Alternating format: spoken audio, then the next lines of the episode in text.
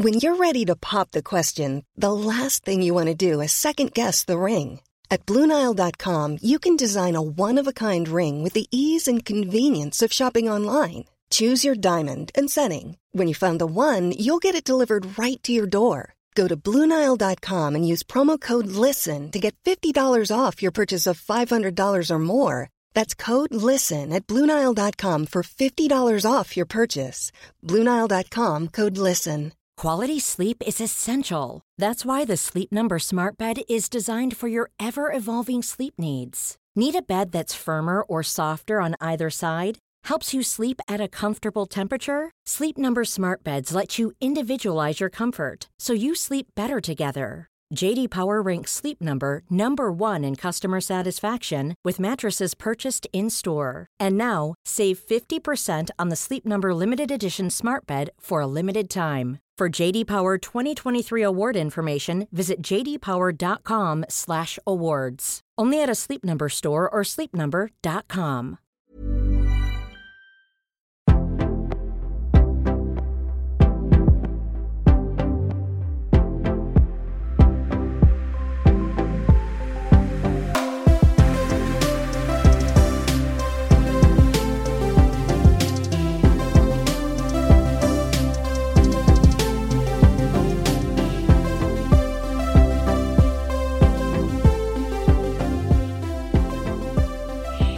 Välkommen Kajsa Bellman Blomberg till Jag är modig-podden.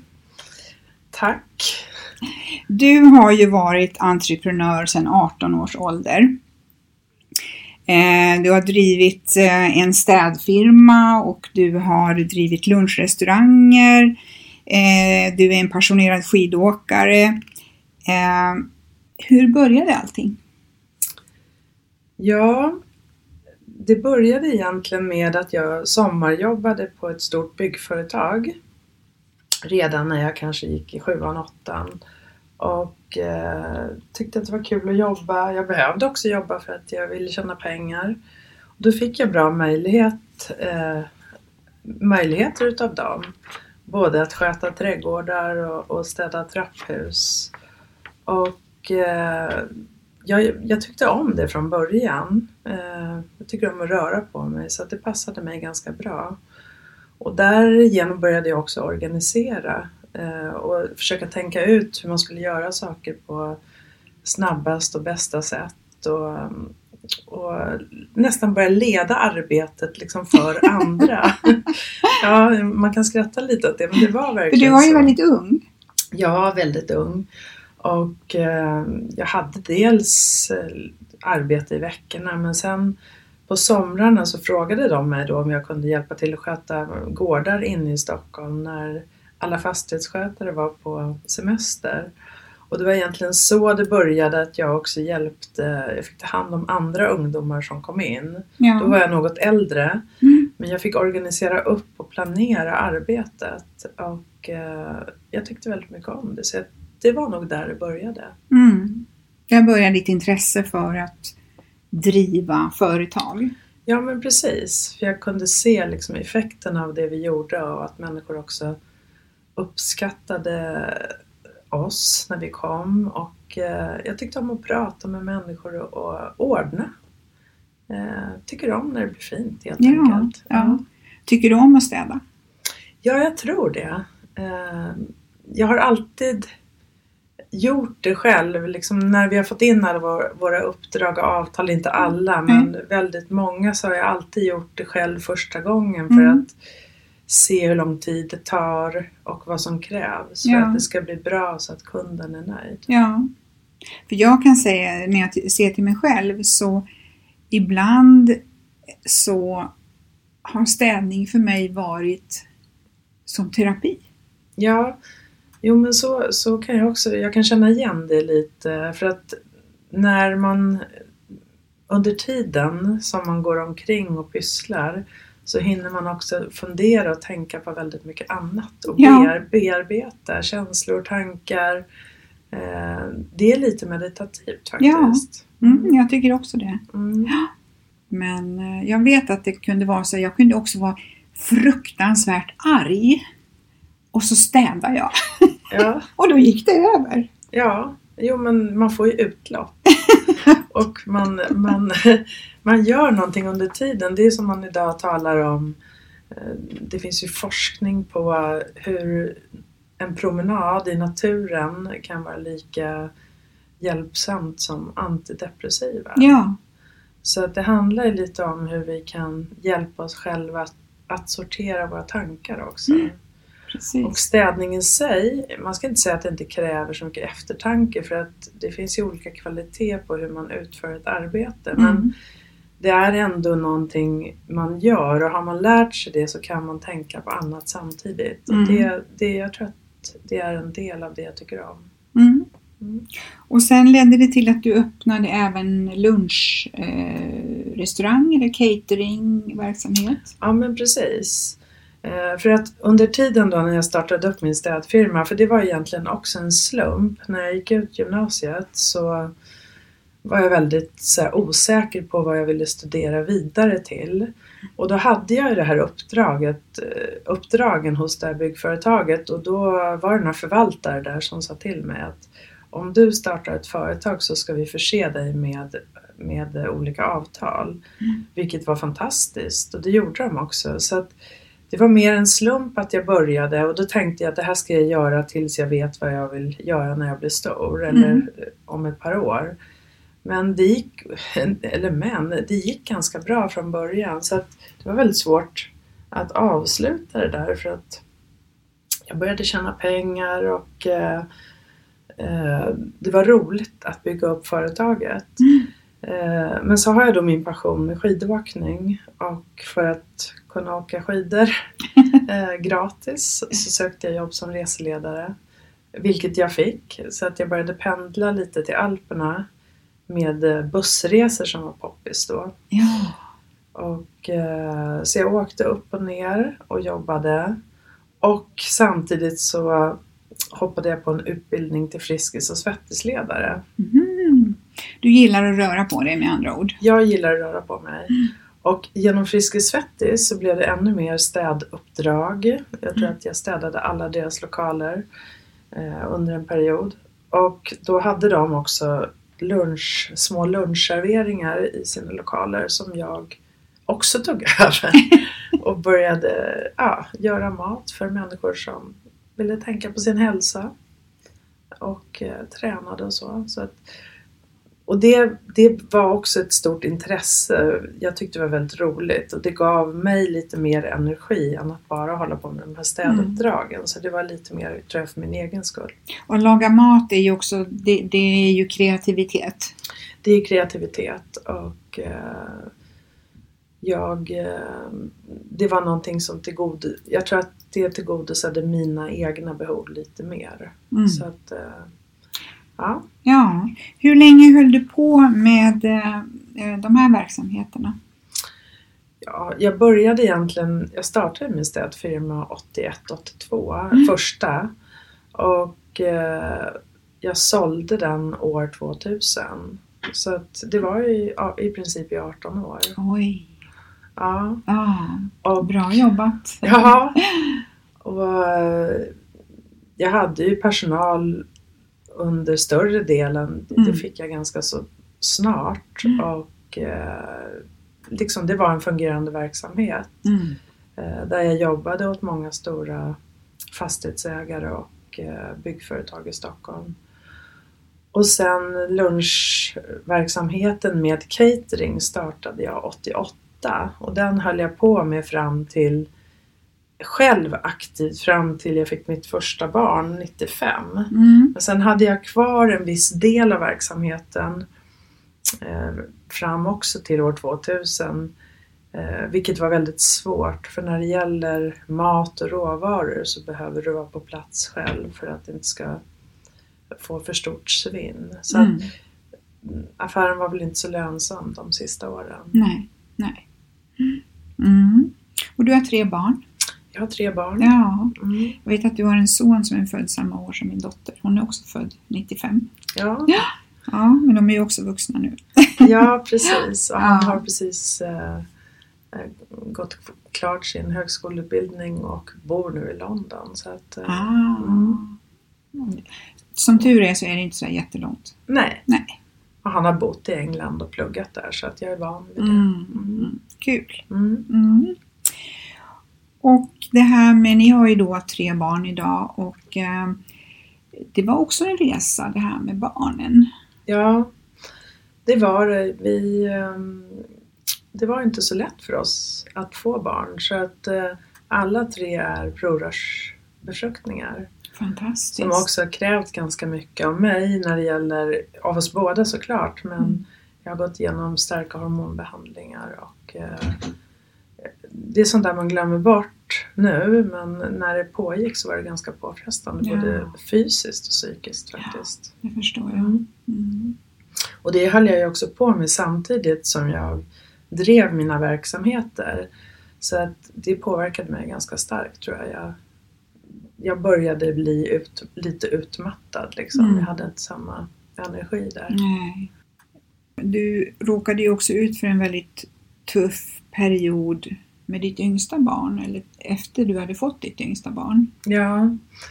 ja, det började också egentligen redan sådär 88-89 att jag hade lite ont i ryggen med jämna mellanrum. Inte så ofta men det accelererade liksom. Det kom mer och mer ofta och på den tiden då så höll jag på både med städfirman och mina serveringar och åkte runt och handlade och bar och hade mycket catering och så. Och jobbade hårt kan jag tänka mig. Ja men väldigt hårt. Ja. Så att jag kopplade ju den smärtan till att jag kanske bar för tungt eller att jag gjorde saker som inte liksom, var så bra för mig fysiskt. Mm. Även om jag också samtidigt tränade mycket och jag hade ganska bra kontroll på kroppen Ja. muskelmässigt.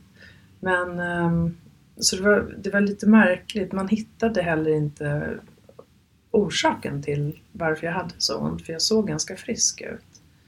Men det där accelererade väldigt. Eh, och det kom med jämnare skov så att hela 90-talet egentligen så hade jag smärta och flera timmar om dagen mot slutet. Mm, för att jag hamnade i något fruktansvärt. krampläge och blev inte trodd på. Sjukvården Ja, trodde inte på mig. jättefruktansvärt. Ja. Och det blev, även mina vänner och min man började undra om det var någonting, vad det var för fel. Ja, Eh, eftersom man inte såg någonting. nej. Mm. Och sen hittar de ju någonting.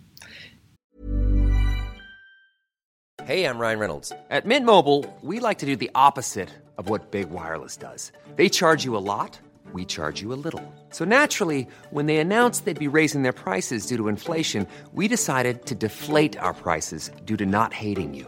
That's right. We're cutting the price of Mint Unlimited from $30 a month to just $15 a month. Give it a try at mintmobile.com slash switch. $45 upfront for three months plus taxes and fees. Promo rate for new customers for limited time. Unlimited more than 40 gigabytes per month. Slows. Full terms at mintmobile.com. Ever catch yourself eating the same flavorless dinner three days in a row? Dreaming of something better? Well, HelloFresh is your guilt-free dream come true, baby. It's me, Kiki Palmer. Let's wake up those taste buds with hot, juicy pecan-crusted chicken or garlic butter shrimp scampi. Mm. Hello Fresh. Stop dreaming of all the delicious possibilities and dig in at HelloFresh.com. Let's get this dinner party started. Wow. Nice. Yeah.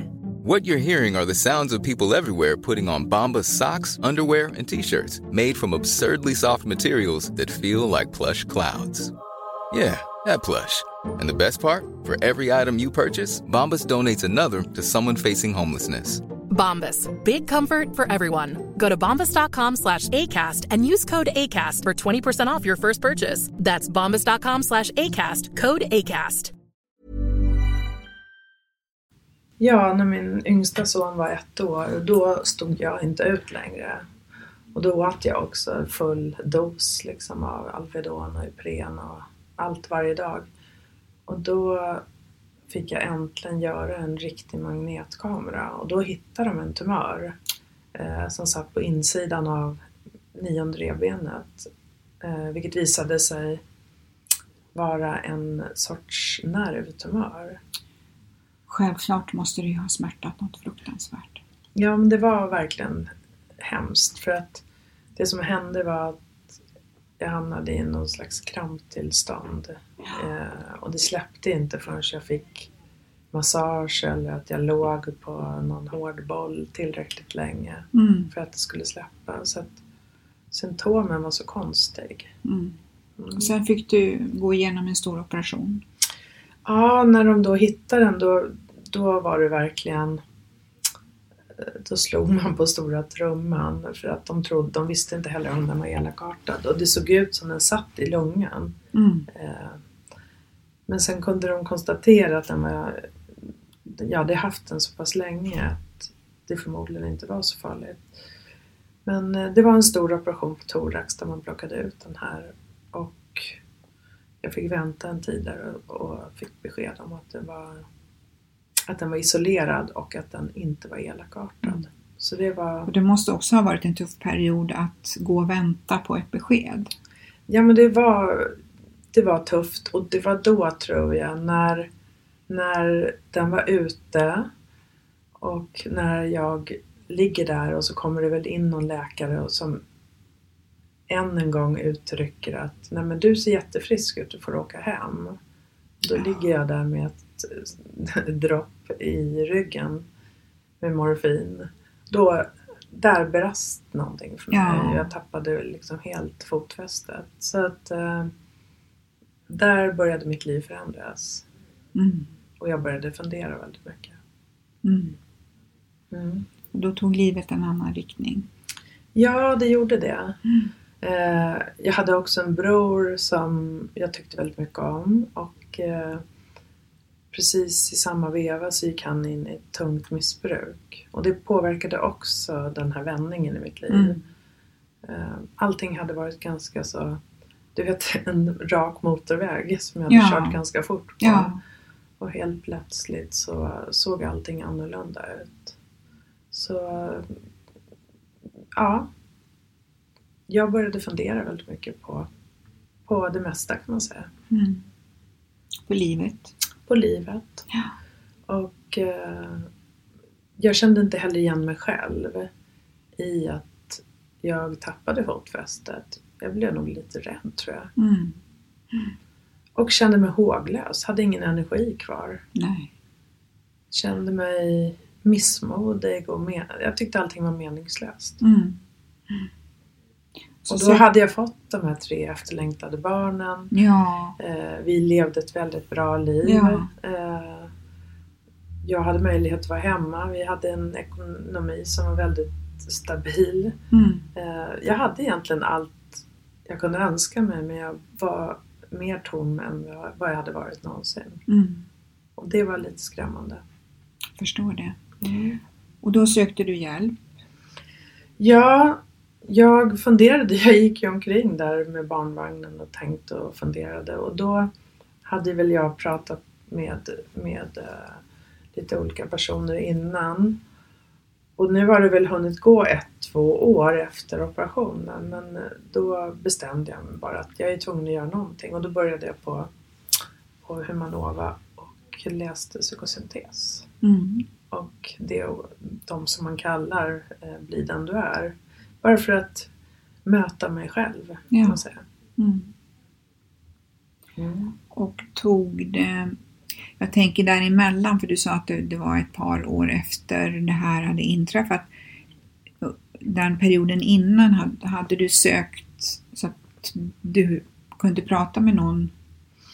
Jag gick några gånger hos en KBT-terapeut eh, på Sabbatsberg. Mm. Eh, vilket, ja, det var inte dåligt men jag var inte jättenöjd. Men det var ändå en början till att prata med någon, Ja. vilket jag aldrig hade gjort förut. Jag tyckte nämligen inte att jag behövde prata med någon. Nej, Jag hade inte den insikten då. nej, precis. Mm. Och jag kan ju också känna igen, känna igen det. Jag är ju uppvuxen i en, i en mindre stad eh, och eh, jag flyttade till Stockholm när jag var 35. Eh, och när jag bodde i, i Skövde då som jag kommer ifrån så det här med att gå och prata med någon eller gå i terapi det var någonting eh, ja, det var liksom ingenting som man pratade öppet om. Utan man liksom dolde det lite grann och, och det var lite sådär skämmigt. Mm. Sen när jag flyttade till Stockholm så eh, jag började gå i terapi redan, eller samtalsterapi när barnen var små. Av en anledning. Eh, jag kom ju från en liten stad och där visste ju väldigt många vem jag var. Jag hade en identitet, jag hade ett namn. Jag flyttade till Stockholm men kände ingen och tappade helt min identitet. Mm. Eh, och då gick jag i terapi för första gången.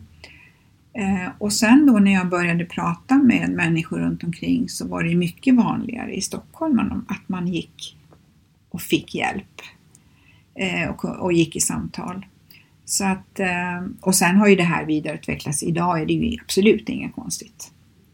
Nej, och jag kan känna igen det där som du säger att man tappar bort sig själv. För Ja. det var precis vad som hände. Ja, Jag insåg nog inte riktigt det förrän jag började jobba med mig själv ordentligt. Nej. Jag minns att vi kanske var på middagar eller någonting och folk frågade "Ha, vad jobbar du med? Och jag var ju så van att jag hade haft mitt eget företag och jag tror att jag hade identifierat mig väldigt mycket med den personen. Ja. Eh, helt plötsligt stod jag där liksom nyopererad med jag, hade, jag, jag var hemmafru och jag hade en bror som eh, liksom med benämning knarkade. Mm. Det var extremt smärtsamt. ja, Och det var inte alls den bild jag hade av mig själv. Så att jag tror att det också, det, det föll ganska tungt. ja. Mm. Mm. Mm. Och så började du eh, din, påbörjade din utbildning som sen har pågått ganska Ja men år. precis. Det började med att jag bara skulle gå det här året. Men jag blev så uppslukad utav psykosyntesen framförallt och för- förhållningssättet som, som eh, man har på Humanova och eh, den liksom där icke-värderande och kärleksfulla bemötandet. Och blev väldigt intresserad så att jag fortsatte och gick fyra år till samtalsterapeut Mm. som jag sedan har fyllt på Mm. med eh, till steg ett och jag har även fyllt på med handledning och organisation och jobbar idag väldigt mycket med eh, ledarutveckling och grupputveckling Mm. parallellt med att jag är samtalsterapeut. Mm. Intressant. Ja. Ja. Och någonstans mitt i det här så är jag väldigt tacksam för allt som hände. Jag kan ju se idag att det har ju möjliggjort det liv jag lever nu. Vilket är en tillgång kan man säga. Så att eh, ur det som är det svåraste kan man också hämta den liksom, största st- styrkan skulle jag kunna säga. För idag så tycker jag inte alls att det är obehagligt att prata i princip om någonting. Eh, och jag minns så väl när jag någon frågade mig om min bror så fick jag totalt tunghäfte. Jag kunde liksom inte berätta. Jag kunde inte...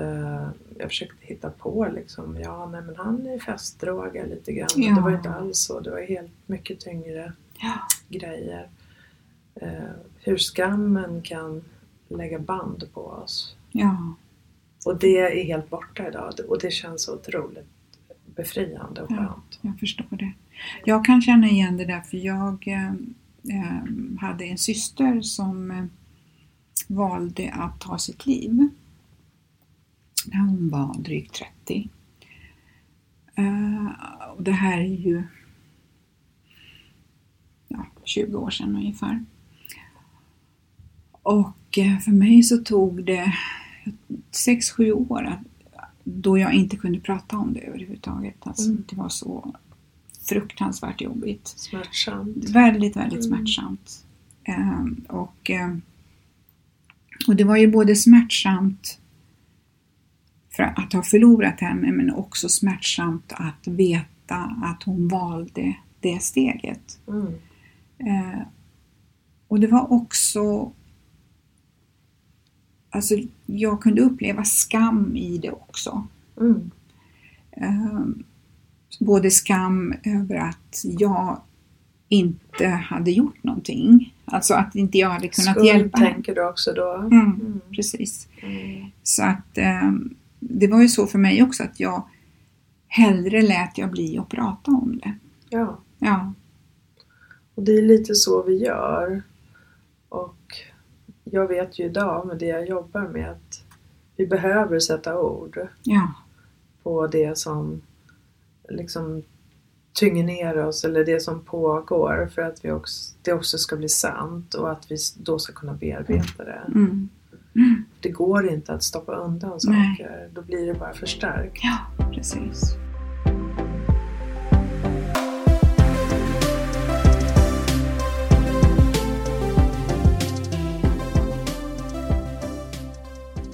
Det som hände dig då när du blev, eh, fick den här tumören och du liksom hamnade i den här tomheten vände ju ändå ditt liv till någonting annat som har lett dig till ett, eh, en ny och bra karriär. Mm.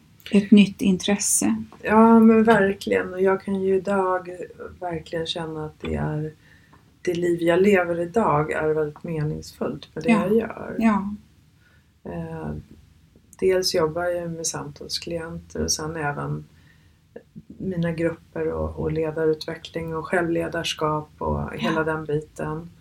Och eh, jag har också väldigt stor nytta av den erfarenhet att jag har gått igenom det smärtsamma själv. Mm. Jag vill du kan identifiera dig. Ja men precis, Ja. jag kan förstå Ja.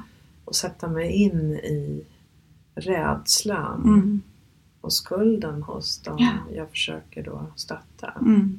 Mm. Samtidigt som jag idag också jobbar med beteendeförändringar och där handlar det också om att hjälpa människor att se vad man behöver ändra i sina beteenden för att det ska göra skillnad. Så Mm. att man inte bara tycker synd om utan att man kan stötta till förändring. Mm. Och det tycker jag är väldigt spännande. Mm. Mm. Men jag har verktygen genom psykosyntesen och det och även, jag har läst lite KBT och ACT och sådana saker Mm. för att fylla på. Mm. Och eh, det finns mycket bra hjälp att få idag. Ja. Jag går i samtal även fast jag inte mår dåligt. Mm. Ja. För att det, för mig så är det lite som att gå och ta en massage. ja, och det är ju klokt för att det är från en extern eller en oberoende Mm. samtalsledare som Mm. du kan få frågor som gör att du tänker i nya banor Ja. och utvecklas. Verkligen. eh, våra vänner i all ära men det är ofta att man kanske sitter och håller med eller man lägger värderingar på den Ja. som är dum och så vidare och det är inte så utvecklande. Nej, det är inte. Så att det är först när du får de här lite mer skarpa frågorna Mm. som du sätter igång och reflekterar Ja. över dig själv Ja. på rätt sätt. Absolut. Absolut. Mm. Och också att våga, eh, just att våga möta sig själv. Mm. Eh, och våga vara ärlig mot sig själv. Ja men precis. och jag, det är otroligt spännande. Idag är jag ju, ja, det finns ju en enorm, det tar ju aldrig slut. Jag är så intresserad Mm. utav självledarskapet och hur vi kan utvecklas. Ja. Det, finns, det finns inget slut. Nej. Utan det dyker upp nya insikter hela tiden om hur jag själv fungerar Mm. Ja. i olika situationer Mm. och även när jag jobbar med mina klienter. Så det är spännande att se när utvecklingen kommer. Ja. Hur är det, det har jag varit väldigt nyfiken på många gånger, just när man, när man själv har den här kunskapen som du har. Hur fungerar det i ditt privatliv? Alltså kan du applicera din kunskap även i familjelivet? Ehm, det är ju så här, du kan aldrig ändra på någon annan. Nej. Jag Nej. kan ju bara förändra mig själv Ja. och mitt förhållningssätt. Mm. Och det blir en utmaning i en familj. Eh, dels så finns det en rädsla för min kunskap såklart. Mm. Och jag tänker på min partner nu som lätt går in i sina motstånd istället för att lyssna och vara nyfiken. Mm. Men det är, det är hans förhållningssätt Mm. att göra så. Eh, och i början kunde jag tycka det var tråkigt. Nu kan jag tycka lite synd Mm. om när man inte vill eh, se att man kan använda sin potential ännu mer. Mm. Mm. Det är klart att vi råkade i clinch lite om det där ibland. Eh, sen tror jag och försöker att jobba, eller jag jobbar ju ständigt med mig själv för att försöka bli en bättre förälder. Ja. Eh, genom att tillämpa saker samtidigt som jag kan höra hur jag kanske tjatar fortfarande och säger saker som inte alltid är så lämpliga. Mm. Och där är det min autopilot som går Ja. på och det kanske är just också för att jag är hemma. Ja, och just det där att ibland när man säger saker som man i efterhand kommer på att det där var ju väldigt korkat och dumt sagt. Men sen är det ju också det där att så kan jag känna i alla fall att, att jag kan säga saker för att jag är i en viss känsla och då tänker inte jag liksom logiskt. Nej, Jag tänker inte med min kunskap utan nej, utan det är autopiloten som slår in. Jag brukar säga att vi har två delar. Vi har Ja. en autopilot och så har vi ett medvetet jag. ja, ja, Och eh, det gäller liksom att ha en balans. Det som är den största utmaningen, eller som har varit en ganska stor förändring, det är med vänner. ja, För det som har hänt med mig är också att jag har blivit medveten om vem jag är och vad jag vill. mm, Och att jag har varit ganska medberoende både till min eh, man och kanske till vänner i vissa avseenden. Och att jag inte alltid har lyssnat på min egen vilja så, så mycket som jag gör idag. mm, Och då blir då ser vänskapen lite annorlunda Ja. ut. det förstår jag. Jag, fin, jag är inte lika intresserad av liksom att leva det liv jag levde tidigare. Utan jag är mer sann mot mig själv Ja. idag. Jag tycker mer om att vara med mig själv idag. Mm. Förut kunde jag nog känna mig mer ensam. Ja. Och det gör jag inte längre. Och det känns väldigt bra. Ja, så där kan jag också känna att jag, eh, jag vet att jag har min, min, mina barn, min familj, de finns för mig men jag behöver inte finnas för dem hela tiden. Mm. Utan jag kan finnas för mig. Ja. Och det är en väldigt skön känsla. ja. Ja. Och jag tror också att det är det man kan kalla för en god självkänsla. Ja. Du bytte ju då karriär och eh, eh, det är ju fortfarande så att du driver ju dig själv i ditt yrke. Ja. Eh, och som jag uppfattade så är du ju också väldigt passionerad i det du gör. Ja. Jo men det stämmer. Om man tittar på dig som person och vad du drivs utav eh, så tror inte jag att du drivs bara av pengar. Nej, nej det gör jag inte. Men däremot, jag har ju alltid haft eget företag. Eh, Jag har ju varit entreprenör hela mitt liv. I, i princip jag har aldrig varit anställd. Mer än när jag gjorde de här resledaruppdragen och Ja. så. Och eh, det som är viktigt för mig, jag har funderat på det där sista två åren. För att jag jobbar ju väldigt hårt periodvis. Jag tar åt mig väldigt mycket och så. Men det är väl att jag vill ha en, en trygg bas. Ja. Jag vill veta att mitt företag omsätter så här mycket. Mm. Eh, så att jag vet liksom att jag är home safe. Mm. Ehm, och det är också någonting som, som motiverar mig. Mm. Så att jag är inte sådär att jag släpper taget utan jag drivs fortfarande av affären. Ja. Det måste jag ju säga. Mm. För idag jobbar jag ju med individer, att utveckla människor. Och Och det är så otroligt tillfredsställande när jag känner att det är på plats. Ja, för att just att få jobba med människor på det sättet som du gör, eh, det ger ju en slags energi tillbaka. Absolut. Ja. Och det är väldigt mycket kärlek i Ja. det. Ja, Det känns kärleksfullt även om jag har en konflikthantering och det finns mycket rädslor och så i rummet så känner jag väldigt stor tilltro och kärlek till de Mm. individer jag jobbar med. ja.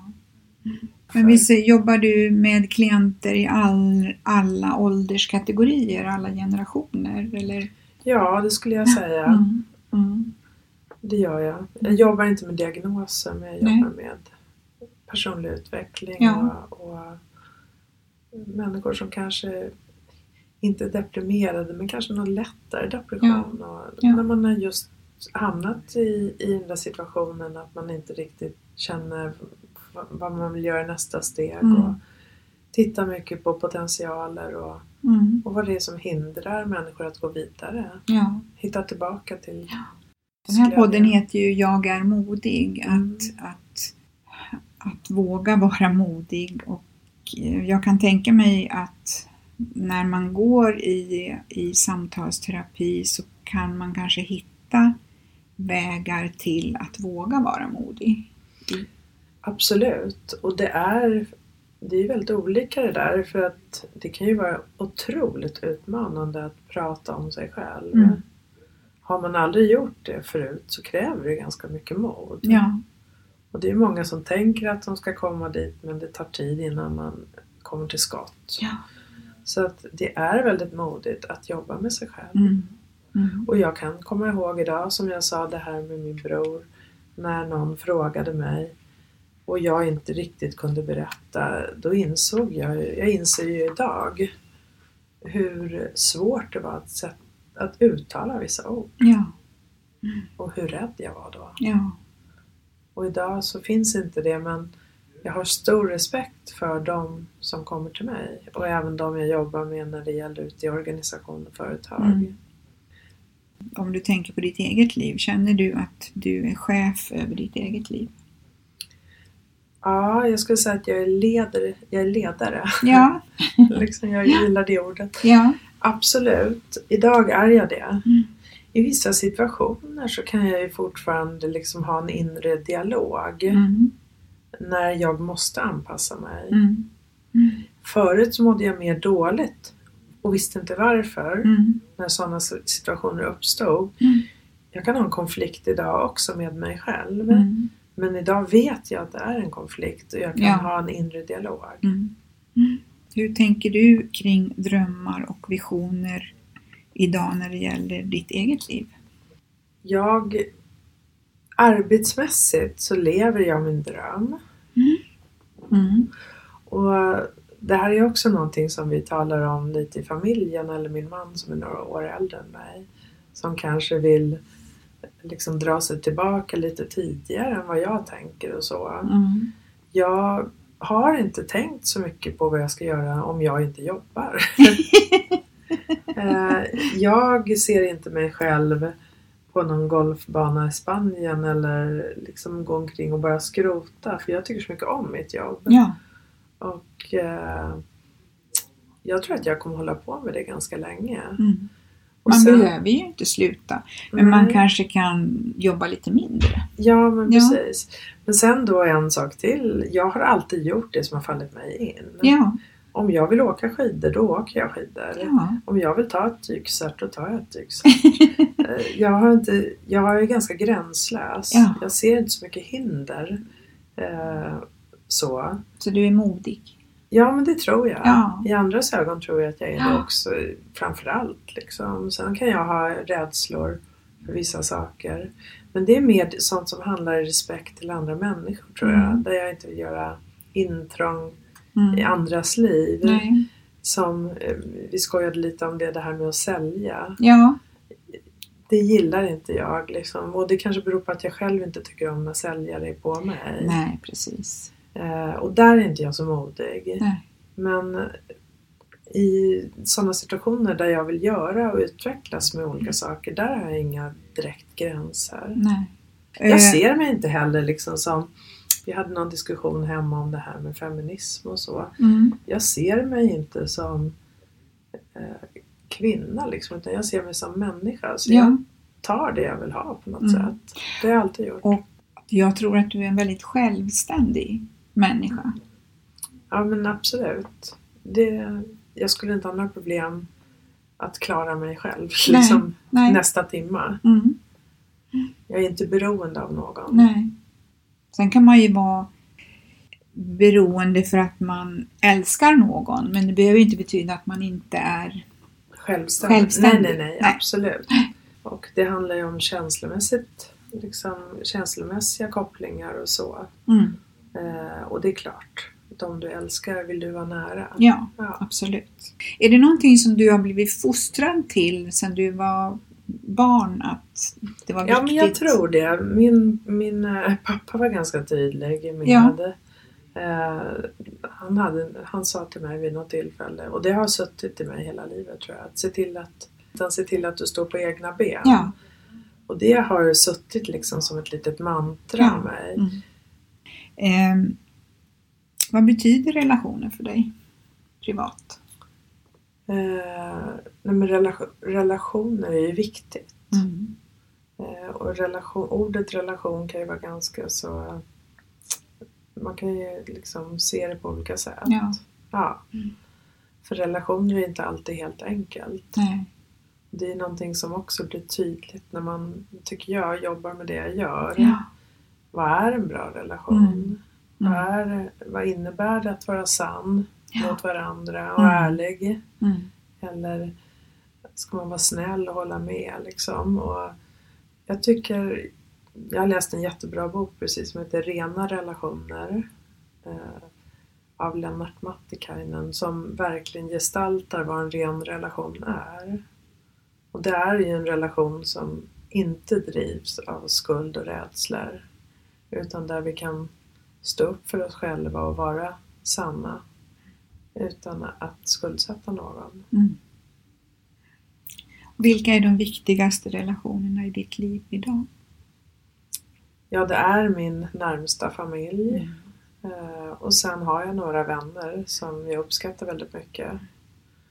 Och sen har jag också några viktiga relationer på min arbetsplats. Så att, eh, ja. Mm. Men de är inte lika många tror jag som de var tidigare. Nej. Utan jag har sorterat lite Ja. grann. Sen kan jag ju tycka att jag har väldigt fina vänner, verkligen. Mm. Men- Härligt. Mm. Mm. Eh, Men det Ja. jag skulle säga med Ja. det var också att eh, det är viktigt för mig idag att det finns liksom en, att man delar med sig i en relation. Att, att man kan dela med sig av sig själv mm. och eh, att vara sann Ja. tillsammans med att inte skuldbelägga. Mm. Det tror jag är de viktigaste ingredienserna. Mm. Och inte döma eller för, ha massa ouppfyllda förväntningar liksom, på Mm. varandra. Mm. eller ha förväntningar på varandra som inte går att uppfylla utan att man har en bra kommunikation. Ja. Just det här med bra kommunikation. För eh, det, jag kan ju se det, jag har ju då levt i, i tre relationer. Skillnaden idag är att jag vågar ju uttrycka vad jag vill. Ja, När jag var ung, då förväntade jag mig att min partner skulle vara på ett visst sätt. mm, Och jag hade en bild, ja. men jag sa ingenting. Nej. Och det här brukar jag säga, jag brukar gestalta det i att när vi är unga eller när vi träffar mannen som vi skaffar våra barn Ja. med Ja, Då är det som att vi har en tavla på väggen med huset och bilen på Ja. uppfarten och Ja. flaggstången och blommorna i fönstret. Och så flyttar vi in i den här tavlan och så efter ett tag upptäcker vi att det är inte så härligt att bo där. Det är inte som vi trodde. Så då behöver vi ta fram en pensel och måla om den. Ja. Vi behöver liksom bli sanna i Ja. som... För det är inte som man tror. nej. Nej. Och jag då som har levt i en 30-årig relation, jag har ju hunnit måla om min tavla ganska många gånger. Men hade fortfarande kvar. Så vi har ju haft verkligen våra kriser som vi har tagit oss igenom. Mm. Mm. Och det är ju fantastiskt Ja. att ha kunnat leva med sin partner så länge Ja. som ni har gjort. Ja, Det är ju en... det kräver också lite mod kan jag säga. För att idag är jag väldigt sann. ja. Och det är ju, han har ju inte gjort samma resa som jag har gjort. Nej. Så att han tycker ju att jag är jättejobbig. Mm. Men jag har ändå valt att vara sann. Ja. Och sen får det bära eller brista. Mm. Mm. För jag kan inte backa mitt band idag. Nej. Nej. Nej. Mycket intressant Kajsa och eh, nu börjar det bli dags att runda av. Om någon utav lyssnarna skulle vilja komma i kontakt med dig, Ja. hur når man dig? Ja, jag har ju ett litet företag som heter Självsagd och det finns en hemsida. Mm. Självsagt. Det är bara att googla. Tack så jättemycket Ja. att vi har kunnat ha det här samtalet tillsammans. Mycket intressant. Tack själv Elin. Ja.